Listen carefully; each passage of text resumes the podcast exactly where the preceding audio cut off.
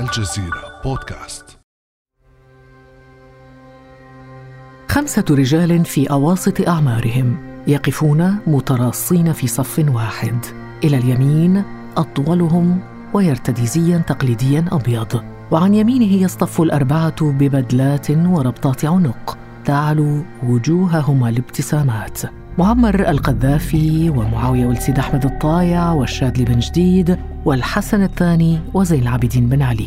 صورة تحتفظ بها الذاكرة المغاربية كشاهد على تأسيس اتحاد المغرب العربي. غادروا السلطة كلهم وغادر الحياة أربعة منهم وبقي الحلم الذي وضعوا لبنته الأولى ذات مساء من عام تسعة وثمانين في عاصمة دولة المرابطين. مدينة مراكش المغربية. بقي الحلم حيث تركته القمة الأولى مترنحا بين عمق الخلافات السياسية للدول الكبرى في الاتحاد. وبقيت الشعوب تدفع ثمن غياب حلمها الذي تدعمه أواصر التاريخ والجغرافيا. فما حجم الكلفة الاقتصادية لغياب مغرب عربي موحد؟ وما آثارها على التنمية الاقتصادية والاجتماعية في بلدان المغرب العربي وما التحديات التي تطرحها مرحلة ما بعد كورونا على المنطقة في ظل غياب التكامل وما فرص تدارك ما فات وإعادة القطار إلى سكته التي انطلق منها قبل أكثر من ثلاثة عقود بأحلام كبيرة. بعد أمس من الجزيرة بودكاست أنا خديجة بن جنة.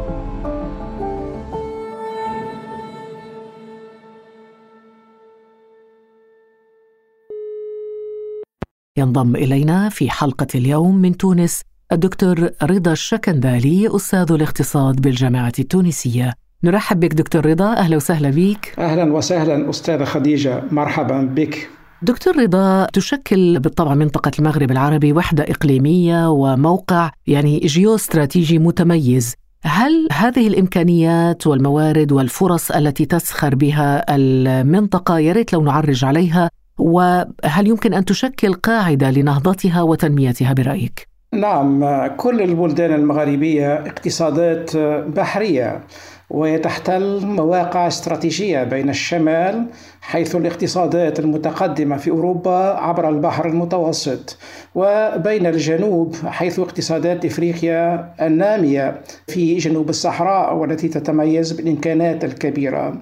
الجزائر هي اقتصاد أكبر اقتصاد في المنطقة من حيث الناتج المحلي الإجمالي. الجزائر يحتل مكانة مهمة في تصدير الغاز والنفط. هي ثالث منتج للبترول وأول منتج للغاز في إفريقيا ويمتلك أكبر حقول الحديد في العالم. وليبيا هي من أكبر البلدان المصدرة للنفط وهي ثاني منتج للبترول في إفريقيا. موريتانيا هي بلد مهم في المنطقة من حيث إنتاج الحديد الخام والسمك. والمغرب يتسم بالتنوع اقتصادي جيد نسبيا. ورغم مكانته المهمة في المنطقة كمصدر للمنتجات الزراعية والسيارات فهو ثالث منتج وأول مصدر للفوسفات في العالم وخامس مصدر لزيت الزيتون وثاني مصدر للقوارص في العالم وهو كذلك من أكبر منتجي العالم في السمك. وتونس هي من أهم منتجي الفوسفات في العالم وثالث مصدر لزيت الزيتون وتونس مصدر هام للتمور والقوارص والمكونات الكهربائية وقطاع الغيار والآلات والمعدات الخفيفة. تعزيز الاندماج المغاربي سيسهم في تحقيق منافع عدة للمنطقة من خلال إقامة سوق متكاملة كبيرة تضم حوالي 100 مليون مستهلك وناتج إجمالي بحوالي 400 مليار دولار أمريكي. وفي حالة اندماج البلدان المغاربية وتطبيق قواعد تجارية واستثمارية موحدة فإن ذلك سيسهم في تعزيز صمود المنطقة أمام التأثيرات المحتملة للصدمات الخارجية كتداعيات الجائحة الصحية.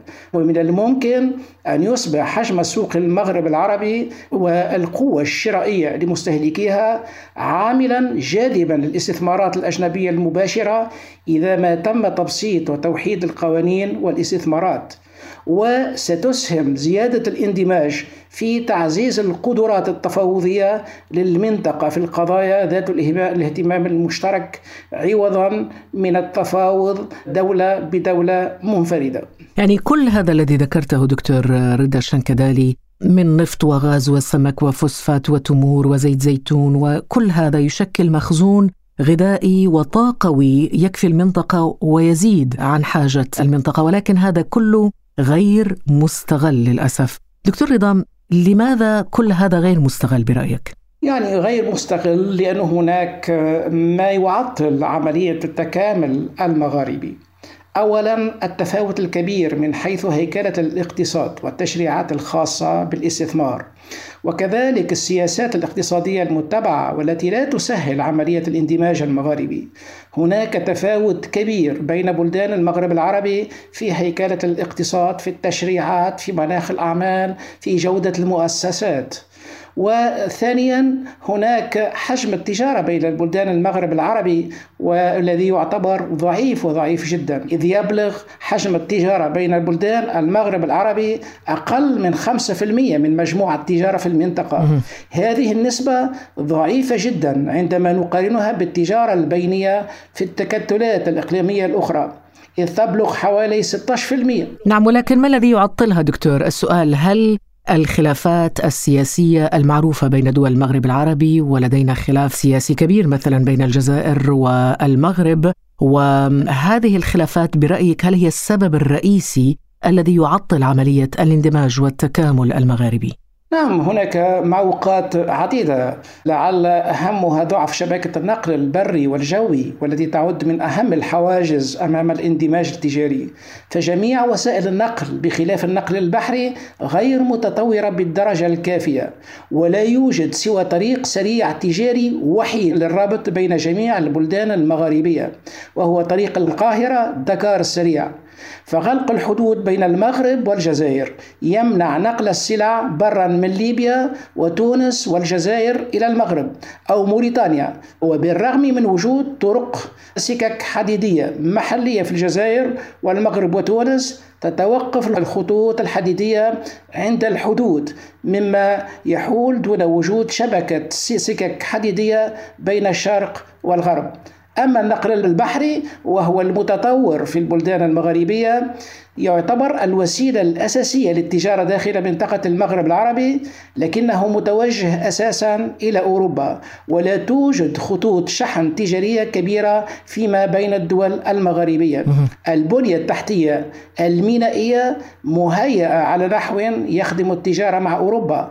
أولا بينما تأتي مصلحة التجارة الإقليمية في المقام الثاني. إذا إذا هذه العراقيل الاقتصادية مرتبطة بمعوقات سياسية برأيك؟ لا المعوقات السياسية هي معوقات تاريخية ولكن كذلك ليس هناك مجهود إضافي لتحسين البنية التحتية ما بين الدول المغاربية وكذلك ليس هناك يعني مجهود لتقريب التشريعات والقوانين والسياسات الاقتصادية وهيكلة الاقتصاد ما بين الدول المغاربية لكن هذا مرتبط بقرار سياسي دكتور.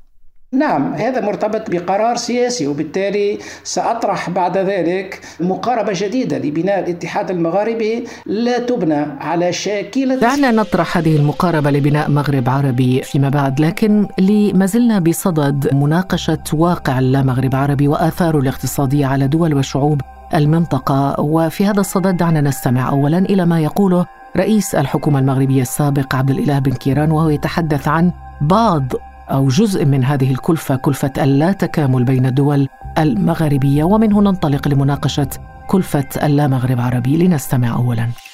هذا غادي يخلق سينرجي إحنا عندنا أنا كنسمع منذ مدة طويلة أنه يضيع علينا بعدم وجود آه، اتحاد مغاربي حقيقي اللي فيه على الأقل داك الشيء اللي كان بين أفراد السوق الأوروبية المشتركة. 2% من الناتج الداخلي الخام و2% هذا كبير جدا. هذا بملايير الدولارات. دكتور رضا الشكندالي واضح أن الكلفة كبيرة جدا. نعم نعم هي كلفة ناتجة أساسا من تباعد بلدان المغرب العربي ومن ضعف التجارة البينية بين دول المغرب العربي. ولاحظنا كيف أن الجائحة الصحية أضرت بالمبادلات التجارية وأثرت سلبا على نسب النمو في العالم. وبالتالي كلفة المغرب العربي يمكن قياسها ب يعني بطء النمو على مستوى البلدان المغرب العربي. نلاحظ أنه في غضون 20 سنة عندما نأخذ سنة الأساس سنة 2000 يعني إلى الآن 20 سنة بدون مغرب عربي لم تنمو الثروة المغاربية بحساب الناتج المحلي المغاربي إلا ب 2.5 مرة وهو معدل ضعيف مقارنة بتنامي معدل الثروة في البلدان العربية وهو 3.8 مرة حيث يمثل الناتج المغاربي تقريبا 14% من الناتج المحلي العربي سنة 2019 بينما كان يمثل حوالي 21% سنة 2000 خسارة بسبع نقاط كاملة ناتجة أساسا من ضعف التجارة البينية بين الدول المغاربية بينما في دول أخرى كمجلس التعاون الخليجي هناك يعني تجارة قوية بين البلدان المكونة لمجلس التعاون الخليجي وكذلك هناك نمو سريع في بعض التكتلات الأخرى ناتج أساسا من قوة التجارة البينية بين هذه الدول. أعتقد أن هذا الضعف في نمو الثروة في بلدان المغرب العربي يفقد هذه البلدان ما بين نقطة ونقطتان نمو اقتصادي ويحرم الشباب المغاربي من عديد فرص التشغيل وتحسين مستويات العيش الكريم خصوصا دكتور ربما خصوصا الآن مع جائحة كورونا وما تعيشه دول المنطقة والعالم بشكل عام يعني لو كان هناك اندماج اقتصادي مغاربي وتكامل اقتصادي واجتماعي مغاربي ربما كانت وطأة جائحة كورونا أقل مما نعيشه اليوم برأيك دكتور ما التحديات التي تطرحها مرحلة كوفيد 19 على المنطقة وشعوب المنطقة؟ نعم العالم بعد الكورونا ليس كما قبله ومن سيخرج منتصرا من أزمة الكورونا قبل غيره سيقود العالم في قادم السنوات. كل المعطيات حول النمو الاقتصادي لسنة 2020 تشير إلى أن الصين استعادت عافيتها بشكل أفضل من أوروبا والولايات المتحدة الأمريكية. لكن الشريك الأساسي لكل الدول المغاربية هو الاتحاد الأوروبي وهذا الأخير فشل في إدارة أزمة الكورونا واتجه أغلب بلدانه نحو الانغلاق على الذات. ومن الواضح أن أوروبا أصبحت في مأزق كبير وهي التي عانت من أزمات اقتصادية متعددة في السنوات الماضية. اقتصادها لم يتعافى بشكل كامل منذ الأزمة المالية العالمية لسنة 2008 هذا الانغلاق على الذات أجج النزعة القومية مع توجه الدول الأوروبية إلى غلق الحدود وتفضيل حاجيات مواطنيها على حاجيات دول أخرى وخاصة من الأدوية والأغذية.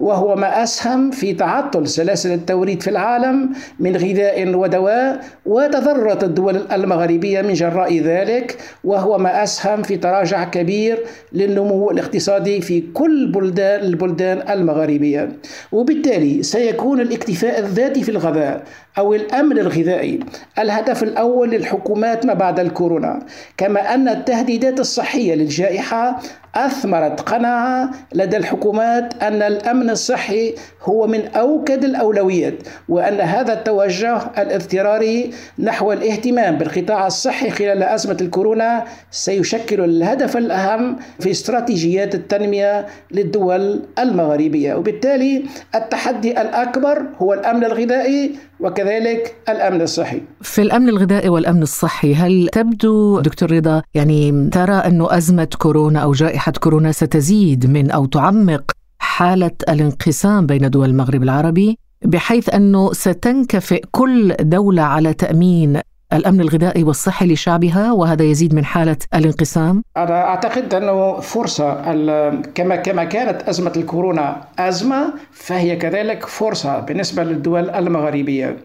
خاصة وأن التحدي الأكبر وهو الأمن الغذائي يمكن تجاوزه في البلدان المغاربية بما أن ثلث الناتج المغاربي متكون من الزراعة والصيد البحري والغابات وهو ما يمثل فرصة هامة لمجابهة مواجهة تحدي الأمن الغذائي بصورة جماعية وتأمين الغذاء لكل المغاربة بدون الالتجاء إلى التوريد من الدول الأوروبية التي تشهد صعوبات كبيرة من تعطل في سلاسل التوريد العالمية. فاقتصاد الدواء والغذاء سيكون البديل لاقتصاد ما قبل الجائحة الصحية. والتجارة البينية ما بين الدول المغاربية لابد أن تتجه إلى تكثيف التجارة في المواد الفلاحية والغذائية والصيدلانية ومزيد التعاون في المجال الصحي بتبادل الخبرات الطبية وشبه الطبية. ويمكن أن يكون تعزيز الاندماج داخل المنطقة المغاربية بمثابة هامش أمان ضد تأثير توترات التجارة العالمية. من جراء الجائحة الصحية فإذا تصاعدت الحمائية في الأسواق الأوروبية يصبح بمقدور بلدان المغرب العربي أن تعوض جانبا من خسائر التصدير والنمو عن طريق القيام بمعاملات تجارية إضافية داخل المنطقة. كما يمكن أن يكون الاندماج التجاري داخل منطقة المغرب العربي خطوة على مسار التنفيذ الكامل لمنطقة التجارة الحرة القارية الإفريقية. بما أن البلدان المغاربية وقعت مؤخرا هذه الاتفاقية لإنشاء منطقة التجارة الحرة القارية الإفريقية. لابد إذا من البدء بالاتحاد المغاربي للتأسيس ولإنجاح منطقة التجارة الحرة القارية الإفريقية والتي ستكون يعني المعوض لما ستفتقده الدول المغربية من جراء شراكتها مع الاتحاد الأوروبي.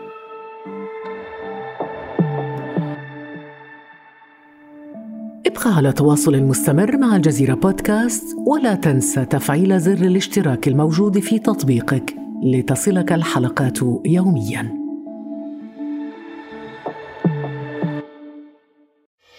وبين من يترقب إعلان وفاة اتحاد المغرب العربي ومن يتوقع استمرار جموده تبقى الشعوب المغاربية متعلقة بآمال وحدة المغرب الكبير ومعها تستمر النداءات والمبادرات لتحريك سواكن الاتحاد المؤجل.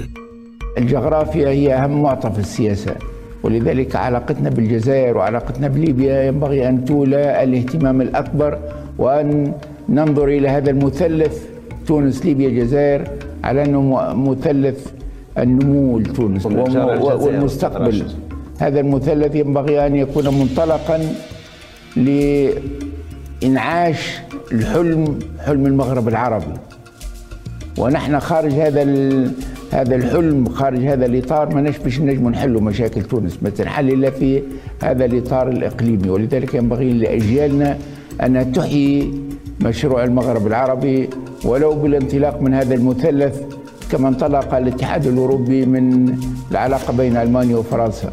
هذه دعوة من راشد الغنوشي رئيس البرلمان التونسي لإحياء المغرب العربي. ومن وقت لآخر دكتور رضا نشهد مبادرات لتفعيل اتحاد المغرب العربي آخرها ربما تصريحات رئيس البرلمان التونسي راشد الغنوشي الذي استمعنا إليه قبل قليل. كان هذا قبل أسابيع. لماذا برأيك تفشل هذه المبادرات دكتور رضا؟ تفشل هذه المبادرات لاعتبارات سياسية أساسا ولغياب الإرادة السياسية أو ربما حتى غياب القناعة لدى الحكام المغاربة في جدوى بناء المغرب العربي. فهم لم يجتمعوا منذ ما يزيد عن الربع قرن. وحدد تصريحات بعض السياسيين بجدوى تفعيل اتحاد المغرب العربي يدخل في بعض الأحيان في إطار الحملات الانتخابية لربح أصوات الناخبين فهم يعرفون جيدا أن الشعوب ترغب في ذلك. لكن عندما يتحولون إلى الحكم لا تجد أثرا لهذه التصريحات.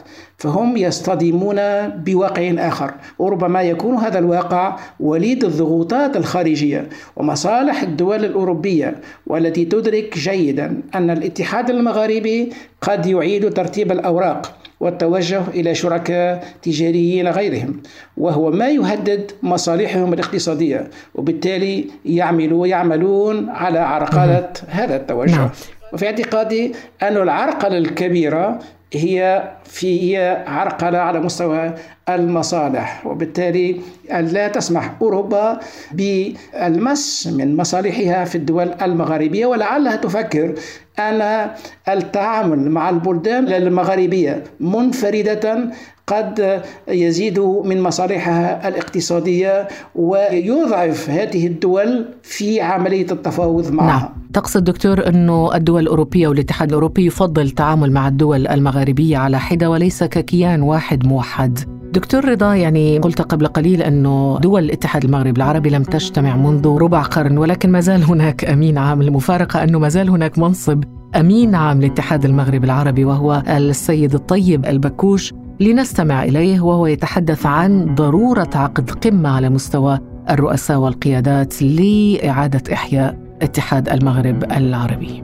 وصلت لهذا الاستنتاج إلى أنه لا يمكن أن نعطي انطلاقة جديدة جدية متواصلة على قواعد صلبة إذا لم نعقد القمة السابعة المعطلة والتي فشل انعقادها سنة 2007 في ليبيا دكتور رضا الشكندالي ما رأيك بكلام السيد طيب البكوش الأمين العام لاتحاد المغرب العربي؟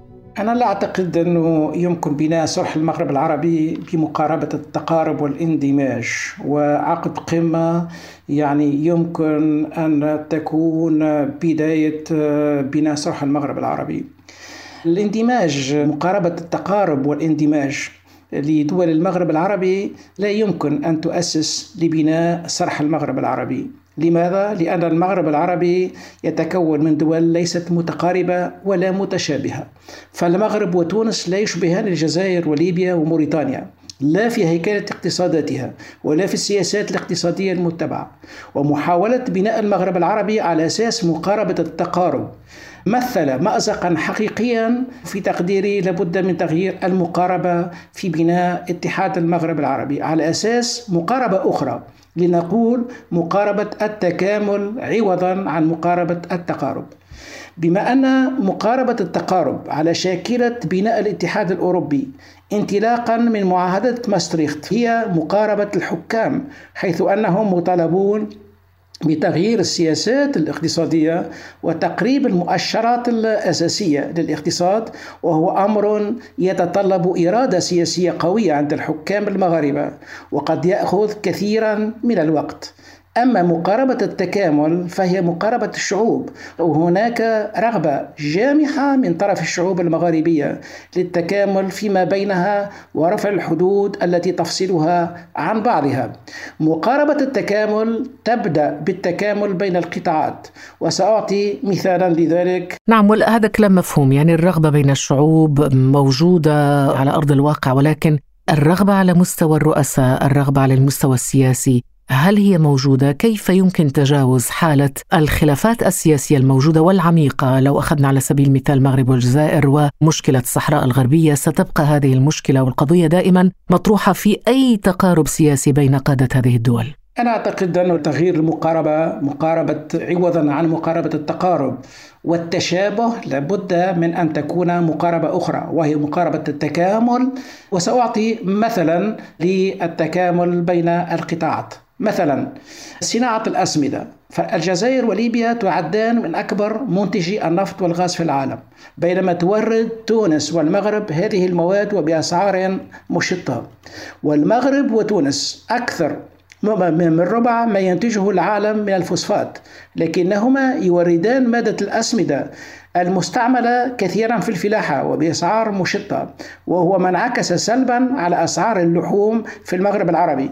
لكن تحويل المادة هذه المادة إلى أسمدة يتطلب الطاقة والكبريت والأمونياك وهي مواد موجودة بكثرة في الجزائر. فالشراكة المغاربية في ميدان صناعة الأسمدة يجعل من منطقة المغرب العربي أحسن قاعدة لإنتاج الأسمدة في العالم وبأسعار لا تقبل المنافسة. المنافسة وبذلك تكون التداعيات جد إيجابية على الأسعار وعلى المقدرة الشرائية للمواطن التونسي وتقل المديونية ما الذي يمنع ذلك؟